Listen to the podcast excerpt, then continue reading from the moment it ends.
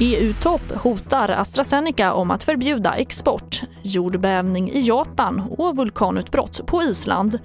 Ja, här är TV4-nyheterna som börjar med att EU trappar upp tonläget om AstraZenecas vaccin ytterligare. I en intervju med tyska mediehuset Funke säger EU-kommissionens ordförande Ursula von der Leyen att EU kan komma att förbjuda exporten av AstraZenecas vaccin om unionen inte får sina doser först.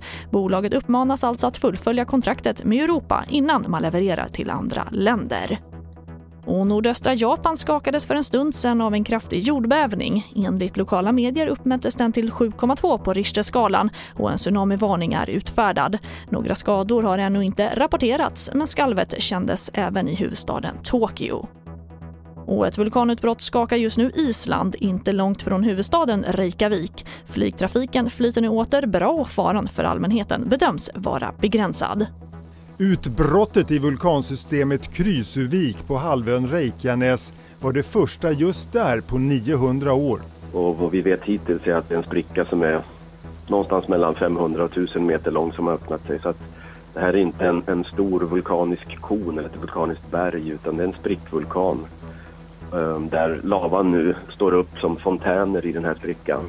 Upp till 100 meter höga observerade man igår natt när man flög över dem. Det var inte oväntat och myndigheterna drar nu en suck av lättnad.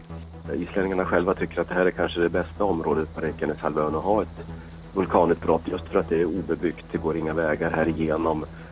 Island har 32 aktiva vulkaniska system, det högsta antalet i Europa och har i genomsnitt ett utbrott vart femte år.